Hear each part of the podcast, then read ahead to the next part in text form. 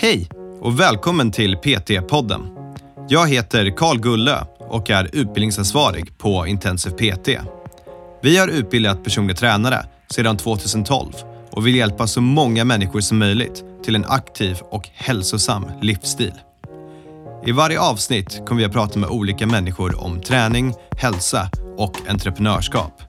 Varje samtal har ett unikt ämne och vårt mål är att inspirera dig till att vilja förstå mer om hur det är att arbeta som personlig tränare eller att hjälpa dig framåt i din karriär som PT. Men man kan ju också sälja volym.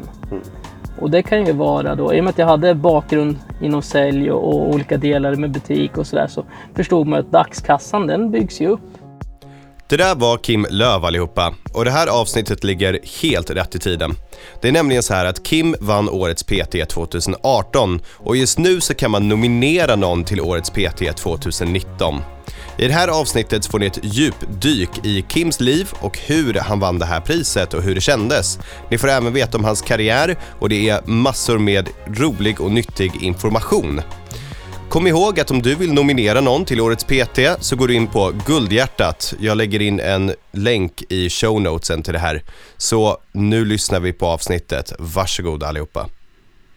Okej Kim, välkommen till PT-podden. Tack så mycket. Det är jätteroligt att ha dig med. Tack för att du har kört hela vägen från Norrköping för att vara med oss. Ja, det var så lite så. Härligt. Du, jag tänker vi ska börja med, det finns ju massa saker vi har pratat lite innan och det finns hur mycket som helst att prata om. Men kan du inte börja med att berätta lite om hur allting började för dig?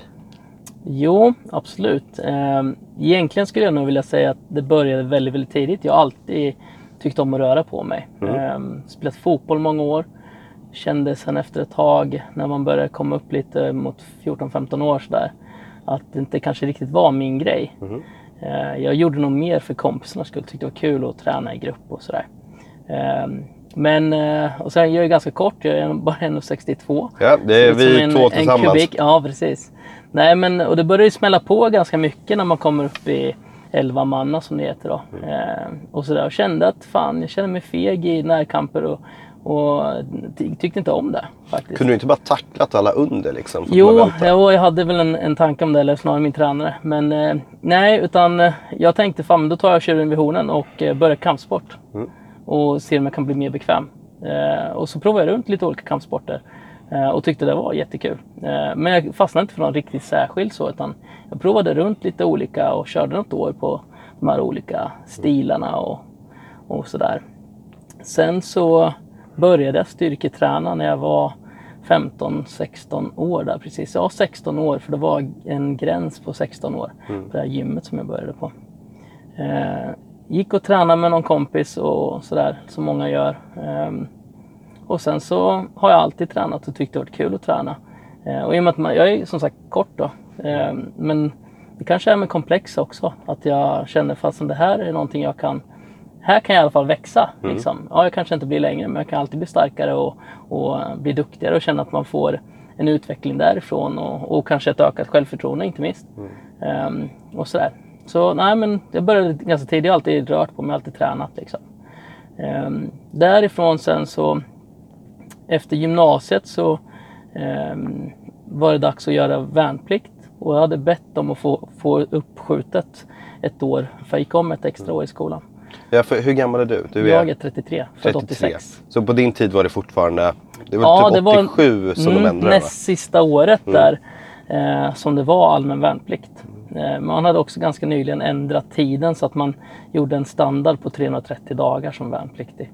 Eh, innan fanns det att man kunde göra 7 månader eller 12 månader. Någon gjorde 15 månader. Man hade olika såna här tjänster och sådär. Eh, men vi hade en standard och alla gjorde samma oavsett vad man hade för tjänst. Och där hittade du någonting? Ja, där hittade jag mig själv. Eh, vi, vi kommer säkert prata mer om det sen, men jag har haft det ganska tufft genom livet.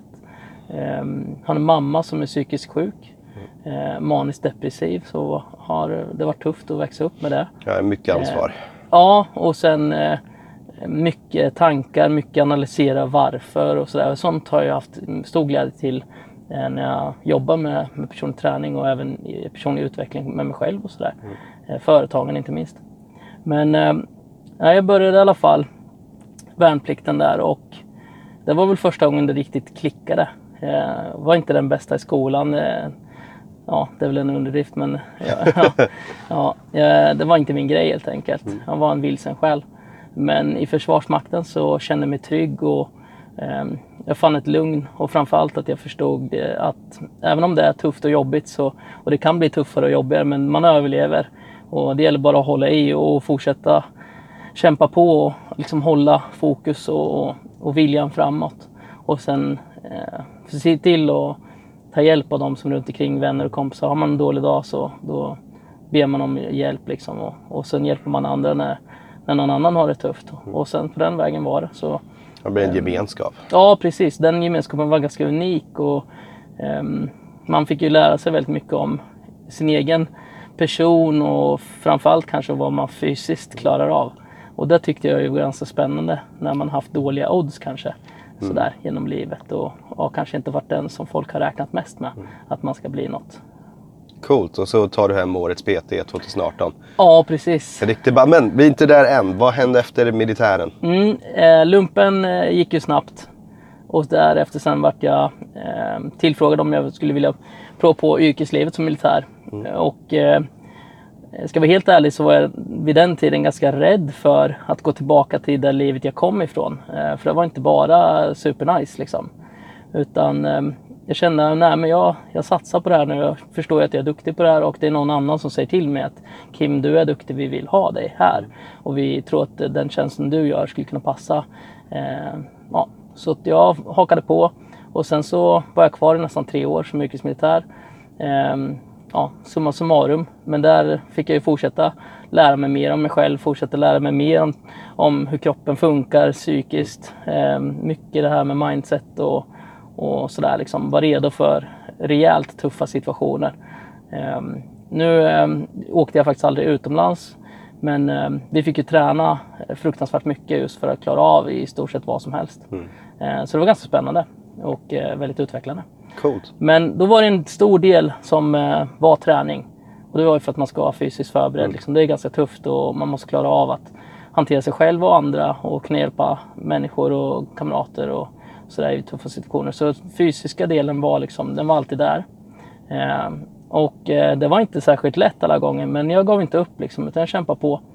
Och efter då tiden i försvaret så började jag jobba som väktare Eh, varför egentligen vet jag inte utan det kändes naturligt. Eh, fortsätt inom säkerhet och den formen av... Jag tror jag gillade uniformsyrket helt mm. enkelt och ha kängor liksom. Det var... Ja, men kanske kände någon eh, auktoritet då eller liknande? Ja, ja, men jag gillade att jobba med, med där det var relativt ordning liksom. Mm.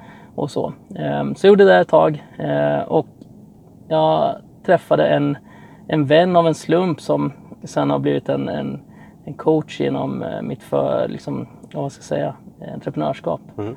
Uh, han drev en, uh, en fabrik som tillverkade kosttillskott. Okay. Och då tränade jag mycket och sånt där fortfarande, gick på gym och sådär. och sen så knegade jag som väktare då. Men han visste lite vad jag gick för och, och frågade då om jag skulle vara intresserad av att kanske jobba med deras koncept. De var inne på att bygga en butik. Och eh, då sa jag ja, varför inte? Jag gillar utmaningar. Eh, så jag fick uppgift att lära mig om deras sortiment och ja, mycket om kosttillskott helt enkelt. Mm. Och eh, de sa när du är redo och känner att du kan allt om, om produkterna och så vidare och eh, hittar en lämplig lokal så, så får du jobbet som butikschef. Så jag kämpade på, jobbade som eh, väktare på nätterna och, och försökte plugga dagtid ja. och ja, men du vet, bara grinda. Bara ja, försöka lära mig så mycket som möjligt. det var en ganska stor djungel. Det hände mycket med kosttillskottsbranschen fram och tillbaka. Mycket nyheter och ja, det gäller att vara med liksom. Men eh, jag fick möjligheten att öppna den där butiken och sagt gjort, vi gjorde det också. Eh, höll på i ungefär tre år innan jag släppte det helt.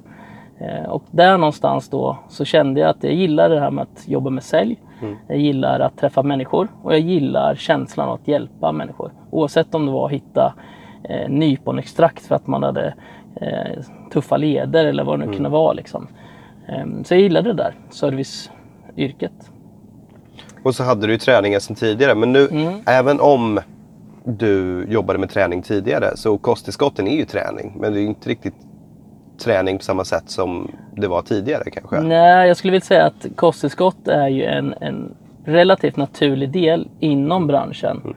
Men det är en helt annan del. Mm. Jag gillar ju den fysiska biten när man faktiskt rör på sig och, och hela den biten. Kanske inte bara det här vad ska jag ha för att prestera max och vilka remmar ska jag ha. Ja. vad, vilket proteinpulver är bäst upptag på mm. och sådär. Men, um, så vad hände sen då? Ja, Hur kom du tillbaka? Jag kände att okay, men jag vill satsa på träning. Och jag vill hålla på med träning på en mer professionell nivå. Vad ska jag ta mig till? Tittade runt lite grann. Eh, googlade ju en hel del runt om i, i alltså, träning i min stad och sådär, vad som fanns. Och så någonstans där så, man, när man är trä, träningsintresserad och kanske då militärt intresserad eller har en sån bakgrund. Naturligt så kommer du kolla på liknande träningsformer där man, eh, som man har från Försvarsmakten. Liksom. Eh, och det finns ju idag kanske ett begrepp för det. Om vi säger bootcamp så känner många till det begreppet. Mm. Så jag tittade runt lite mycket på nätet och kände fasen militär träning, det är ju det jag kan. Det, det är det jag har närmast till hands. Liksom. Finns det någon som gör det? Eh, jo, men det fanns det. Det fanns två stycken aktörer. Ingen i min stad. Så sen av en slump så såg jag en av de här aktörerna eh, att, med något inlägg någonstans att de skulle erbjuda sån här träning. Så jag tänkte, ja men fasen vad nice, jag går dit och testar. Um, det är lite skoj men jag kom dit och det här passet hade precis redan varit. Det var, det var lite fel på informationen på mm. inlägget. Så jag kommer dit och då är passet redan förbi. Liksom.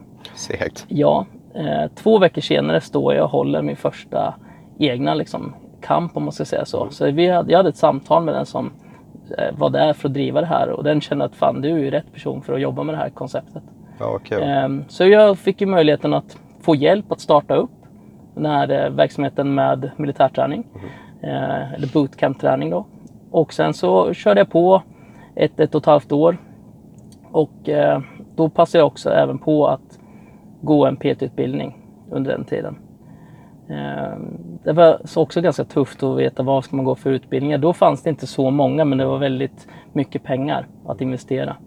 Eh, det landade i alla fall på kortet att jag ville ha bäst förutsättningar att bli så bra PT som möjligt. Mm. Och jag tänkte att jag ringer runt och frågar om vad kommer den här kursen innehålla? Och sen tänkte jag att jag tar den som innehåller mest anatomi och biomekanik och alla de andra sakerna om hur kroppen funkar. För det andra lär man sig med tiden. Mm. Och jag är ingen pluggperson i grunden utan jag tänkte om jag tar det och tar mig igenom det, då har jag rätt bra förutsättningar mm. för att lyckas. Tänker jag. Absolut. Um, så jag gick den här PT-utbildningen på PT School Stockholm. 2012 var det. Uh, efter den så frågade en av mina lärare uh, som jag hade på PT-utbildningen. Du Kim, uh, du pratade på utbildningen om att du var nyfiken på eh, vidareutbildning och så. Jag har en vidareutbildning, jag vet inte, kanske inte din grej, men eh, det är mammaträning. Mm. Skulle du vilja komma upp och, och köra den? Ja, ja, men absolut, jag kommer. Och sen så gick jag den här vidareutbildningen också. Ehm, så man har gått lite olika utbildningar men min grund är idag i alla fall att PT Skol byggde liksom en grund för vad jag kan och sådär. Och det här är så kul för vi, de flesta vi har haft på PT-podden har ju gått vår utbildning, i alla fall mm. de flesta. Så därför är det jättekul att få höra från någon som har gått någon annan utbildning eller mm. mm. någonting mm. annat och höra hur det har varit. Mm. Så fan vad roligt. Vad, vad hände sen? Vad gjorde du? För du, du öppnade ju eget. Var det direkt eller var det? Nej, jag körde på med eh, konceptet som jag blev upplärd på. Eh, tills vi inte kom överens riktigt. De tyckte jag skulle satsa mer på marknadsföring, jag ville satsa mer på kunskap. Mm. Eh, de sa att använd dina första 100 000 och lägg dem på marknadsföring. Jag använde mina första 100 000 och köpte en utbildning. Mm. Ehm, och då kom vi inte riktigt överens efter ett tag. Eh, det ena ledde till det andra och det här varumärket som jag jobbade för kändes inte helt hundra. Namnet var lite knepigt. Mm. Ehm, så jag, säljare som jag är så har jag fått en eh, liksom, förståelse för att man ska inte behöva utbilda där du säljer. Mm. Utan jag funderade lite på om jag kanske skulle gå min egen väg och skapa ett eget varumärke. Eh, och då bara av en slump så fanns adressen ledig, militärträning.se. Och det kändes klockrent. Så det, det blev det som jag satsade på. Mm. Så eh, jag skaffade egen logga eh, och bara egentligen satte min egen prägel på vad jag tycker att den sortens träning ska vara. Ehm, och det finns ju många olika aktörer nu inom bootcamp-träning och sånt också. Men jag hade en ganska klar idé för vad jag tyckte att det skulle vara. Ehm, och det har gått jättebra. Jag har satsat stenhårt och, fått bra eh, ut av det också. Det har varit en jätteresa. Coolt. Så jag tror många som lyssnar nu kommer vilja veta vad då är militärträning?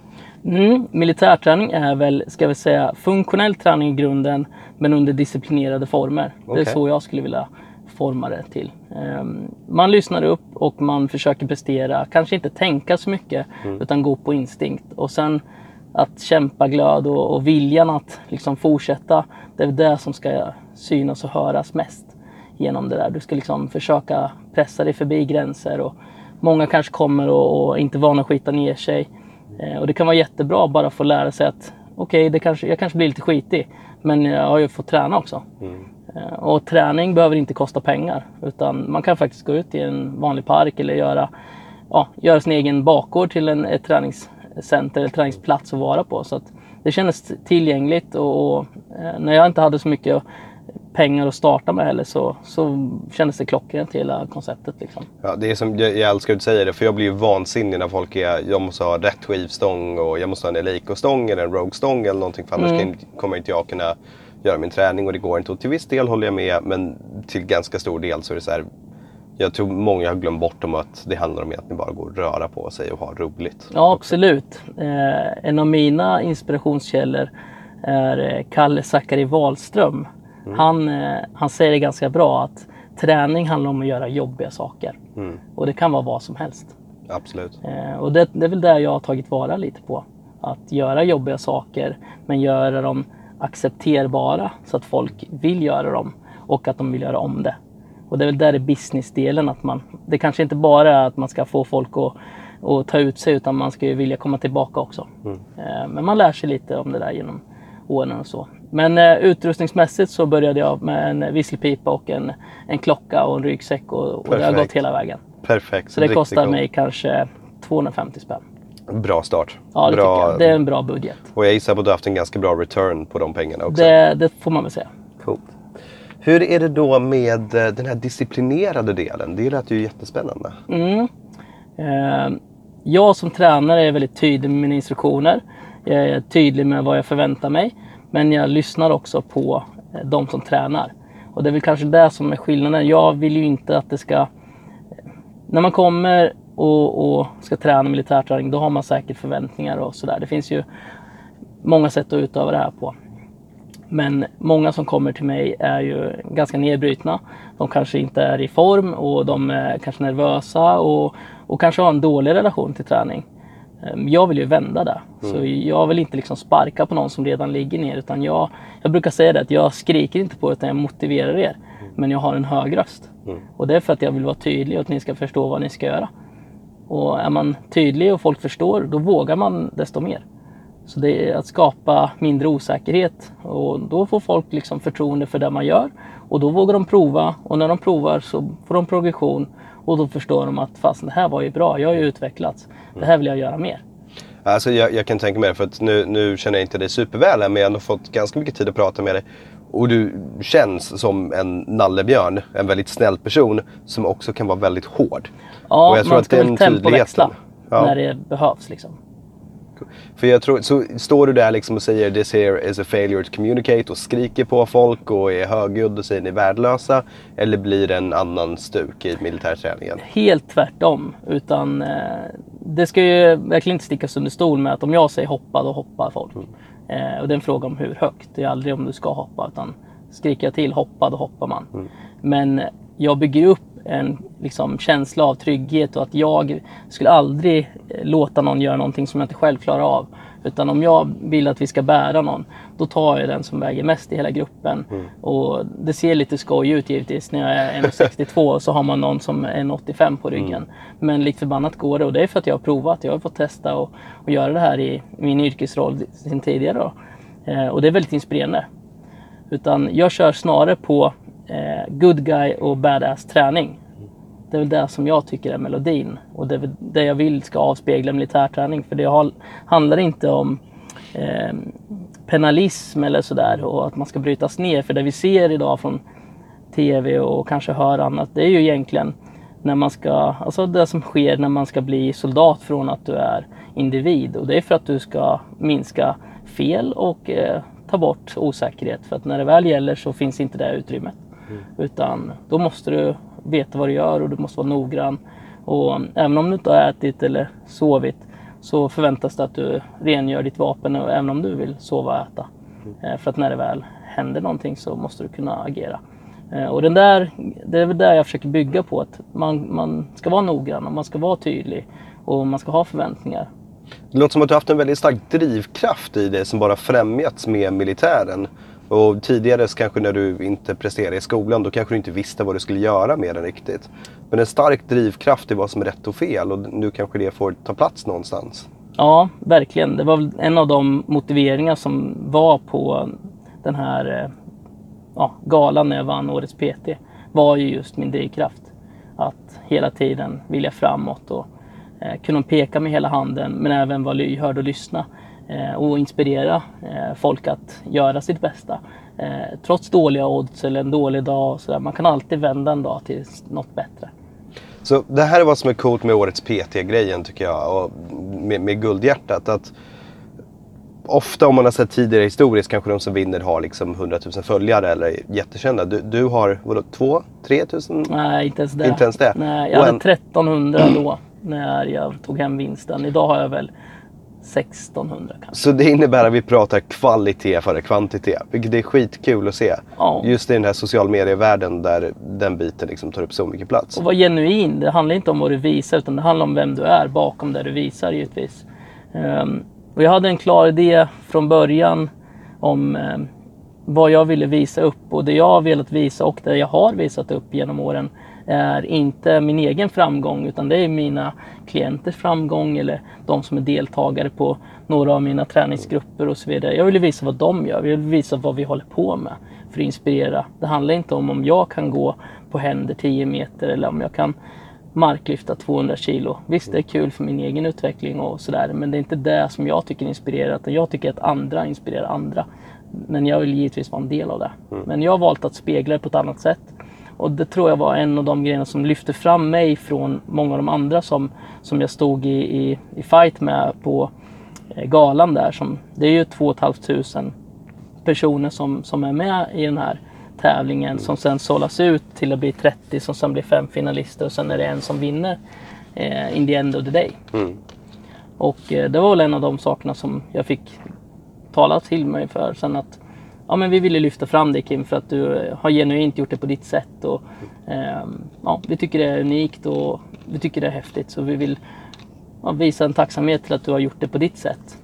Och eh, visa för andra att det spelar ingen roll om du har massa pengar eller 250 kronor en, en visselpipa. Det handlar om ditt sätt att leverera och, och att man ska tro på det man gör och, och stå fast och, och kämpa. Eh, hur var det när du blev först nominerad? Hur kändes det? Helt otroligt. Det var, det var overkligt givetvis. Och det var en, en PT-klient till mig som heter Anna. Hon hade en, en dålig axel. som eh, det, det var en impingement-skada som, som jag förklarade för henne vad det var. Och det egentligen handlar om, jag tror att först, anledningen till den här nomineringen är en sittande axelpress med hantlar. Mm. Mm. Eh, hon sa till mig att ja, det gör så ont och jag förstår inte hur jag ska göra. Och det enda jag gjorde egentligen var att jag tittade på vad hon gjorde och sen så justerade jag vinkeln. Och jag flyttade hennes armbåge något framåt, vilket frilade själva delen i axeln som, som var under stress. Eh, och när hon bara helt plötsligt från en sekund har smärta till en annan sekund kunna göra det där lyftet, den där pressen, så tänkte hon att ja, hela världen kom tillbaka. Liksom. Eh, och att jag kunde förklara för henne att det är ibland bara så pass enkelt men man måste ha rätt kunskap och veta hur man ska justera. Så det var alltså, allting kom tillbaka till den här kunskapen i anatomi och biomekanik som du planerade från första början? Precis. Ja. Det var det som hjälpte? Ja. Och, och just ha fått den grunden för hur hävarmseffekter funkar, kroppen, vinklar, vrår och eh, hur vi är byggda och att vi faktiskt är de facto lite olika byggda också. Att man inte bara kan utgå från en gemensam standard utan man måste titta på individen. Man måste göra individuella planeringar eh, och ta varje individ för den den är. Och varje rörelse, varje press, varje lyft måste man titta på och analysera individuellt helt enkelt. Eh, Även om man har en, en grund att stå på. Det finns ju ett grundutförande i många saker vi gör. Men eh, ja, det är det som är så spännande med yrket. Att det spelar ingen roll om det är en klient som kommer och ska göra ett marklyft för nästa marklyft som man har med en annan klient. Det, det kanske är lite annorlunda eller bara ha olika svåra delar. Eller det kan vara liksom, ja, det är så varierat. Och sen när du fick veta att du var finalist och fick vara där på, eh, på galan. Ja, det var ju en liten resa tills dess. Utan, eh, först fick man ju en, eh, ett mail om att hej, du har blivit nominerad. Eh, och då trodde, det tror jag är intressant för att man kan ju inte nominera sig själv till den här. Eller ja, man kan. Men då blir man ofta inte nominerad. Nej, precis. För att det är väl en sak att säga hej, nominera mig till den här. Eh, och istället kanske då de facto i smyg att en klient visar sin uppskattning, den optimala uppskattningen. Att Ja, visa för hela Sverige att det här är min personliga tränare, den har gjort någonting fantastiskt med mig. Jag vill hylla den. Ehm, och det tror jag också var en del till att jag vann. Just för att jag slogs ju där med folk som har flera hundratusen följare på Instagram. Ehm, och det var ju en tydlig faktor att, att fokus på att ha bra sociala medietryck är viktigt för att nå ut i våran bransch. Men, men det är inte det som det faller på till Nej. slut. Utan det var den här genuina nomineringen och de hade också fått väldigt mycket meddelanden skickat till sig om just mig. Eh, som sa där, Kim, att det är få som vi har fått så mycket meddelanden om titta på den här, jag bara vill berätta om honom och ni måste höra med honom vad han har gjort eller titta extra på det där. Ehm, Så det var väldigt skoj och väldigt liksom, ja, en fin känsla. Coolt. Det kändes jättebra. Så, när du väl var där. Ja. Vi var på den här mässan först. Eh, fitnessmässan. Och eh, det var jättekul. Jag var ju där för då skulle jag ju bygga ett nytt träningscenter. Eh, så jag var där och skulle träffa en leverantör eh, för eh, träningsutrustning. Så det var lite känna och klämma och, och sådär inför ett eventuellt köp då som jag skulle göra. Och eh, när jag var där så kändes det ju liksom Ja, man var lite nervös och man visste att man skulle på den här galan och jag har aldrig varit på några sådana här tillställningar heller innan. Men eh, en rolig anekdot till det här är att jag träffade en leverantör för ett bokningssystem som jag hade avsatt en, ett möte med. Och eh, han skojar lite och säger så ah, vad kul med den där nomineringen. Och, eh, hur känns det? Du som alltid går i träningskläder, hur känns det att ha, ha kostym nu då? och jag tänkte på, eh, kostym? Ja, alltså det är ju en, eh, en gala så att det, man har ju kostym liksom. Shit, tänkte jag. Fan, jag har ingen kostym. Kan man skaffa en kostym? Nej, jag har ingen kostym. Och jag kollade på klockan. Klockan var ju 17.30 eller sånt där. Och vi skulle vara där vid typ 19. Så med lite panik så fick vi styra kosen från mässan då, fitnessfestivalen, eh, förbi och hämta upp en kostym på Perfekt. eh, Mall of Scandinavia. Och eh, det var ju bara ren flax att det fanns i, i någon form av storlek som funkade liksom, när man är ganska bitig och kort. Det är Ja. inte så lätt att hitta kläder liksom. Men eh, vi kommer dit och det var en fantastisk mottagning, jättegod mat, härlig stämning. Eh, man kände ju att det var liksom förväntningar och spänning i luften. Och eh, helt plötsligt så var det dags att börja gå igenom nomineringen och det var Årets PT som var den första nomineringen. Och eh, då går de igenom de här fem finalisterna och visar upp lite om dem. Och ganska kort därefter så ropar de ju ut att jag då har vunnit. Och då är det typ svart. Wow. Ja, jag ställer mig upp givetvis direkt och så börjar jag gå mot scenen. Men just från bordet vid maten och till scenen så är det helt svart. Jag, jag minns ingenting. Coolt. Ja, jag var så... Jag vet inte. Det måste jag kännas hade- så bra. Ja, man hade liksom en eufori, ett rus i kroppen. Men samtidigt, så, jag ska vara helt ärlig, att det var första gången jag kände att det kändes rimligt. För jag har fan kämpat som ett svin för att ta mig dit jag är. Och eh, verkligen haft tufft liksom. Och verkligen trott på mig själv och, och jobbat enormt hårt. Så att jag kände, nej jag förtjänar det här.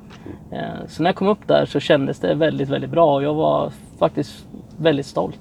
Bra. Ja, men det ska det vara. Det är, Vi svenska personer kan vara extremt eh, mellanmjölk. Men jag Ja, tycker men när man tar hem så. en sån här grej så ska Ja. man faktiskt ge sig själv en stor klapp på axeln. Ja. Du berättade ju att du var från England och där är ju en helt annan grej.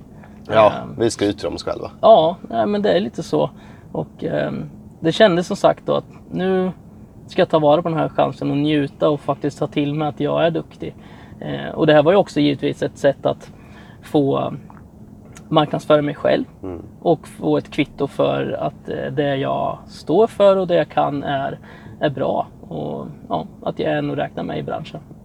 Så eh, efteråt då, förändrade saker? Var det någonting nytt? Var det nu ringde telefonen hela tiden? Eller hur, Jo. vad, hände? Lite grejer förändras givetvis. ehm, Men jag höll ju på med det jag höll på med och, och när man går till jobbet måndag så är det liksom som vanligt. Det är business as usual. Man jobbar på med, med det man är igång med. Men samtidigt så öppnas det en hel del dörrar och det hoppas jag verkligen att den som vinner årets PT i år och även i framtiden ska ta vara på den tiden man får. För det är en liten lucka som, eh, som finns där. Och man får lite mera möjlighet och framförallt lite credibility till det du gör. Ja. Eh, att du kan få möten med människor som kan avgöra eh, faktiskt hur din framtid ska se ut och framförallt göra det lite enklare för dig att lyckas och komma framåt. Men eh, jag jobbade på och eh, jag har träffat jätteintressanta människor givetvis efter det här då. Så att jag har lite projekt framöver. Kul. Vi pratade innan om, eh, om motgångar och saker som har varit svårt. Mm. Kan du inte berätta lite om vad, vad du har varit med om och vad du känner andra personer kanske skulle behöva veta och lyssna för att det skulle kunna hjälpa dem framåt? Jo, nej, men absolut. Eh, Det började ganska tidigt som sagt. Då. Jag har en mamma som är psykiskt sjuk, eh, maniskt depressiv. Så det var ganska tufft att, att ha att göra med. Men samtidigt så, det är min mamma och det är den mamma jag känner till. Eh, Och jag har bara ett liv. Så att visst, man har suttit och gråtit mycket och man har analyserat om varför och varför och varför. Men samtidigt så, det är upp till mig vad jag vill uppleva. Jag har bara mina dagar på mig tills jag går ur tiden liksom. Ehm, och man kan vara avundsjuk och tycka att det är jobbigt med att alla andra har det här. Eller den har ju gjort den saken. Eller den har en mamma och pappa som är hemma varje dag när man kommer hem från skolan eller så. Men det är upp till dig själv att ta tag i det där. Att du kan ändå skapa en, en trivsam miljö runt omkring dig och du kan ha mål och så vidare. Det handlar väl om att våga drömma lite. Och sen bara ta tag i en av sakerna. Och sen när man väl har betat av den, då tar man nästa. Och sen hela tiden sätta nya mål. Förstå, har man inget varför att gå upp ur sängen då, då kommer man ju inte upp ur sängen kanske. Vad har du haft för olika mål då? Oj, jag har haft många mål. Många, många mål. Men ett av målen är ju framförallt att få jobba heltid med träning. Ja. Ehm, och det gjorde jag ju genom att egentligen sätta mig ner och med penna och papper ta reda på hur ska man göra det. Och ehm, ja, jag förstod ju ganska snabbt att det här kommer ju krävas en del pengar för att jag ska kunna gå runt på det här. Och framförallt om jag inte ska ans ansluta mig till ett gym kanske direkt utan att jag vill göra, gå min egen väg för att jag vill få bestämma och... ja, för det är väl gå- värt att nämna va? Du har aldrig varit anställd Nej, precis. Jag har aldrig varit anställd förrän nu faktiskt. Utan jag började med att skapa en enskild firma ganska snabbt. Ehm, och sen så jobbade jag tillsammans med ett koncept ju som sagt. Men jag var aldrig anställd utan jag gjorde det i, som enskild och som konsult för det här konceptet kan man säga. Och ehm, det var väl just för att jag fick en känsla som sa att Nej, men Kim, gör det på ditt sätt och låt folk skratta och sådär. Som sagt, man har haft lite motgångar i livet så jag var aldrig riktigt rädd för det där. Utan jag tänkte, men jag gör det på mitt sätt och det är ett sätt för mig att marknadsföra mig lokalt också. Eh, Och folk får gärna skratta och peka och, och ha kul. Med, Men, men varför skulle folk skratta och peta då? Nej men jag tror det blir lite så när man gör någonting som är står ut lite. Mm. Ehm, Folk förväntar sig ju kanske inte att man ska göra det man gjorde utan ta till exempel då, träning utomhus. I mitt fall var det de enda som höll på med det var Friskis och Svettis och inget illa menat mot Friskis och Svettis utan de, de var de enda som höll på med träning utomhus. Och då var ju folk så jaha men hur ska du göra när det är kallt då? Och det kommer ju komma snö och gud det kommer regna och grejer. Ja, då kommer du med din militärinställning och säger och. Ja, lite så. Alltså om folk visste hur mycket snö jag har sett, hur mycket snöblask jag har legat i, hur mycket jag har fått slita och sova och njuta i alla möjliga väder. Då finns det liksom ingenting och, och tveka på. Ja, men vi, vi såg här, häromdagen så var det något eh, flygbolag som höll på att gå i konkurs, Ving eller vad det var. Mm. Så då har man svenskar som är strandsatta lite överallt för att de inte kommer hem. Så la de upp det på nyheterna som att nu är det kris, svenskar kommer inte hem från semestern. Och det är så här, ja okej, det är väl lite segt. Men det är fan inte kris. Nej. Kom igen. Ja, verkligen. Och då, då tror jag, när man har den här liksom grejen, då kan det vara ganska skönt med någon som säger Ja, so what? Det regnar. På med mössa så kör vi. Ja, precis. Eh, Jag hade ett befäl en gång som sa till mig, att, eller han sa till mig bara att han sa till oss allihop att människan är vattentät. Framåt marsch. Ja. Ja, och så var det inget mer med det. Och eh, visst, det finns mygg. Mygg är väl det enda som jag har lite svårt för, om jag ska vara ärlig. Men eh, nej, regn, eh, man kan vända saker till sin fördel. Jag menar, hur många är det som lägger ut en bild på sig själva lera och jävliga när de gjort burpees i, i smuts? Ja. Nej, det fanns ju inte så mycket, många som gjorde det då. För det var ju, i min stad var det bara Friskis som levererade träningspass. Och det var ju mer gympa, gympaträning utomhus och, och lite showshim och sådär. Så det, var inte på det sättet. Så när det började dyka upp folk, eh, liksom la ut lite bilder och, och sådär, visade upp lite från träningspassen. Då var det liksom en myt kring det där. Folk bara jäklar, de måste vara tuffa och, och ja, det, det var väl bra för, för att skapa en hype liksom. Var de tuffa då? Eller var det bara vanliga människor? Det var ju vanliga människor. Ja. Det, det brukar ju vara så. Ja, men de var ju så- tuffa i sig givetvis. För de trodde ju på det här och vågade ta en chansning med, med mig och mitt koncept. Och framförallt visa sig själva att fasen, jag skiter i om det regnar. Mm. Eh, vill jag träna, vill jag gå ner i vikt, så då får jag väl ta mig kragen och, och träna köra. helt enkelt. Så när startade du ditt egna bolag då? Jag gjorde det redan då 2012. Mm. Ehm, och som sagt, mina, när jag började tjäna ihop lite pengar där så kände jag att jag vill investera i mig själv. Jag vill investera i en möjlighet att få träna heltid. Och det var då jag tog mina första stora slantar och, och gick och letade efter en bra PT-utbildning. Eh, Så satsade på det och eh, ja, ni där ute, ni ska inte tveka och, och tro på er grej för att pengar kommer, pengar går och det tog mig kanske två månader att att ha igen de där pengarna. Och det är tack vare kunskap att jag fick eh, kunder att återkomma. Eh, Ni kommer märka det ni som blir PT så att det är det som är viktigt att skapa relationer och inte bara träna en kund en gång utan varje kund du träffar på eller varje möte du har det är ju en, ett nätverk som hela tiden byggs på. Ehm, Och folk om de är nöjda med dig de kommer sälja in dig till sin omgivning. Ehm, Så ja, var noggranna. Ja, och jag tror någonting som du har gjort lite annorlunda, och rätta mig om jag har fel, men i alla fall den bilden jag har fått, det är att du jobbar med gruppträning va? Ja, Normalt sett som PT så tänker man ju att du jobbar på ett gym och du har one-on-one kunder. Mm. Men gruppträning, det är nästan en helt annan ekonomi i det för att det är flera människor som kommer och tränar. Ja, precis. Kan du inte berätta vi, lite om den Vi kan gå aspekten? tillbaka till där när jag satt med min penna och papper och funderade över hur ska jag göra.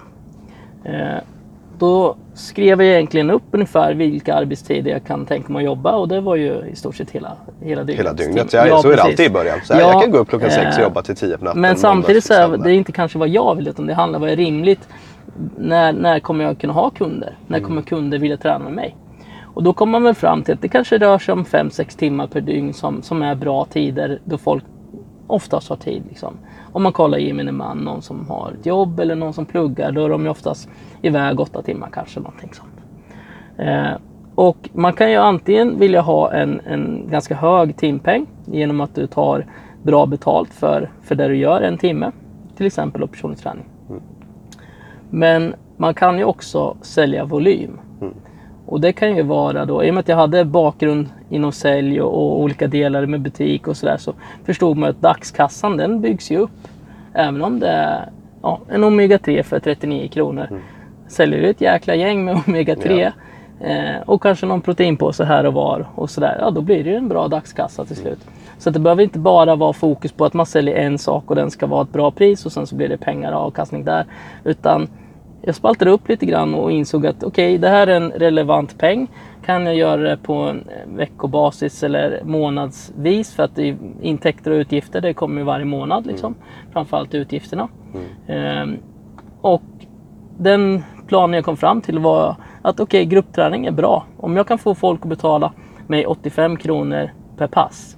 Det kommer de kanske inte tänka på så mycket. Men om det är 85 kronor per pass, det är ju pengar som jag kommer att, att få liksom ta glädje av. Och om jag ändå är här ute en timme så då kan jag ju låta fler vara med. Ehm, Hur många personer hade du på ett pass? Om du fick välja? Nej, jag har inte haft någon övre gräns för att det där är lite... Ja, det är lite som att säga till någon hur mycket pengar vill du tjäna? Ja, Ja, många gånger blir det ju mycket pengar som blir svar då. Mm. Eh, Så jag satte ingen högre gräns. Men det är ju framförallt vad klarar du av att leverera? Mm. Är du bekväm med att ha en, en smågrupp på sex personer, gå inte utanför den gränsen. Mm. Utan du måste kunna leverera oavsett.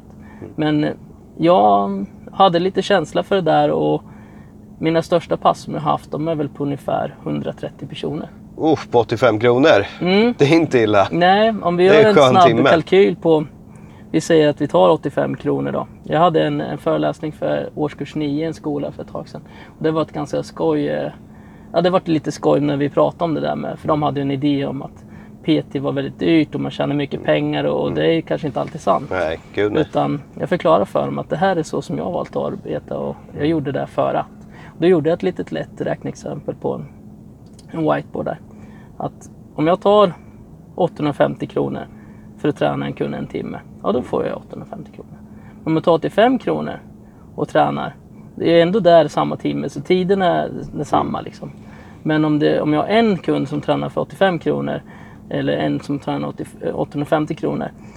Mm, hur många kommer vilja ge mig 850 kronor för den där timmen eller 85 kronor för timmen men ändå få bra träning? Ja. Ja, och då kan man räkna där. Tar man då 100 personer på 85 kronor, det är 8 500. Det är en ganska bra timpeng. Ja, det är en riktigt bra timme. Ja, och då kan man kanske tänka, kan det vara, finns det fler tider att göra liknande saker? Ja, men jag kan gå upp tidigt på morgonen. Jag kan vara uppe till relativt sent på kvällen. Jag kan göra saker vid lunch. Jag kan göra saker när någon annan har tid och, och sådär. Ja, och lite den räkne... Alltså det var så jag räknade på det. Att fan, man behöver inte bara ta mycket betalt för att tjäna bra pengar. Nej. Utan leverera och se till att folk är nöjda och framförallt se till att de kommer tillbaka och fortsätter att vara kund. Jag älskar det här för att det låter som att du har tagit liksom kunskap verkligen från olika delar av ditt liv. Och den här kunskapen kom från kosttillskottsbranschen när du sålde saker och såg att volym kan också bygga någonting. Ja, ja. Och givetvis att man har mentorer och folk som förklarar lite längs med vägen hur business funkar. Och, och det finns ju idag, internet är så stort och brett och det finns så mycket information att få. Och även ni har ju fantastiska delar på eh, PT-podden inte minst. Om man vill lära sig om sälj och sådana Mm. saker. Det finns hur mycket som helst på er podd att lära sig. Eh, och många där ute som sitter på massa kunskap Mm. och vill dela med sig. Alltså jag måste bara fråga, hur fan administrerar du på en timme 100 personer som ska betala 85 spänn? Webbshop. Webbshop. Webbshop. Och sen hur såg du till att alla faktiskt hade betalat? Eh, det finns ju olika delar man kan ha. Eh, jag valde att antingen så, jag givetvis, du har en webbshop så du ser ju alla köp. Liksom. Ja. Du kan sitta och administrera, du ser allting. Mm. Och eh, det är uppgifter och sådär så man kan ta kontakt med dem. Men jag skaffade mig faktiskt en, eh, en PSP, alltså en, en leverantör som hjälper mig att ta betalt. Och eh, såg till att jag kunde göra lite mer saker som till exempel avbetalningar och köp mot faktura och köp mot kort om man ville det och, och så vidare. Och eh, det har varit ganska smidigt för då slipper du ta fighten med kunden. Det är ju självklart att man kan ha perioder i livet då det blir tufft eller någonting som händer, ett däck går sönder eller eh, man får en utgift som man inte hade tänkt på. Eh, vad som helst liksom. Men då behöver inte du ta den ekonomiska fighten med din kund om du har den här leverantören som tar det åt dig. Mm.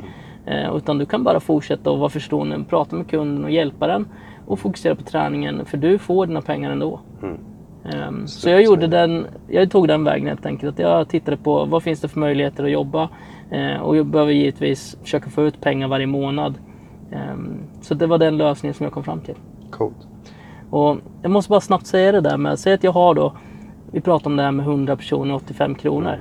Det är så långt ifrån sanningen och egentligen vad det handlar om. Utan om jag har 85 eller 100 personer som har gett mig 100 kronor. Det är ju egentligen så att jag har 100 möjligheter att sälja mer. Absolut. Det är 100 leads. Det är 100 personer som kommer veta vad jag går för. Och om jag vet att jag levererar, ja, då är det också 100 personer som är nöjda. Och de kommer i sin tur kanske ha fem personer i sin närvaro och närhet som, som kommer höra om det här. Eller kanske se eller förstå, gud vad pigg du har blivit helt plötsligt. Eller, ja, eh, ja, vad det nu kan vara, liksom, positiva effekter.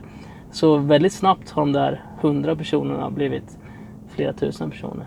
Och det var det som gjorde att jag kunde växa och skapa mitt varumärke. Jag älskar det här djupdyket. Det är jättekul att få höra om hela din historia och det är jätteroligt att höra om när du vann Årets PT. Det, det jag vill veta nu och liksom avrunda med det är hur tror du framtiden ser ut för den här branschen som personlig tränare? Är det egen? Är det jobba på gym? Är det online-träning? Är det bootcamp? Vad har du för tankar? Jag ska väl säga så här. Jag hoppas att den här branschen utvecklas till att vi ska få möjligheten att jobba som konsulter. Jag ser min, den här branschen då, som jag jobbar med, min bransch, personlig tränare och hälsoyrket. Men just personlig tränare ser jag som en konsultbransch. Mm. när man är duktig och du vet om det, då du vill sälja in dig själv och ha ett eget varumärke, då ska du få möjligheten att jobba med det. Och jag tycker att gymmen idag ska lyssna och ta vara på våra kunskaper, för annars så kanske vi ska ta oss därifrån eller göra något helt annat. Det var väl varför jag, jag gick min egen väg. Att jag ville skapa ett värde kring mig och inte göra mig själv ersättningsbar. Mm. Um, och det får ta den tid det tar. Men förr eller senare så kommer de vilja ha min tjänst. De kommer vilja ha min service. De kommer vilja använda mig för ett sätt att bevara sina egna kunder och ge en mervärde för de kunder som de kanske har på det här gymmet. Då. Så jag hoppas och, och tror att om vi tillsammans våga påverka och kanske till och med sätta ner foten lite grann och visa att vi är värda massor. Vi har enorm kunskap. Vi är här för att ge er gymägare en, en, ett mervärde för era kunder. Eller om man då är sin egen och vill bara ha liksom, frihet och göra vad man vill. Så konsult tror jag är vägen framåt. Coolt. Att vi ska kunna jobba på flera ställen. Jag tycker inte vi ska heller vara knutna till en och samma, ett och samma gym. Utan vi säger att du är leverantör för ett kök. Ja, då åker du runt och visar upp det här köket och, och, och ska kunna sälja det till den som är intresserad av det här köket. Mm. Givetvis, jag förstår inte varför vi ska hållas kvar och att man ska tvinga oss att vara på en plats. För det är ju också väldigt svårt att bedriva business och bara kunna sälja på en plattform. Det är ju jättesvårt och det är absolut inte bra för business. Utan jag tror vi måste tillsammans våga stå upp och, och våga pusha för att vi måste få fler valmöjligheter att kunna jobba heltid med det vi gör. För det är också så, det vet ju du med, att många framgångsrika och duktiga personer tränare har idag slutat med det här yrket. Och, eh, och det är väldigt tråkigt för det är en kunskap som försvinner.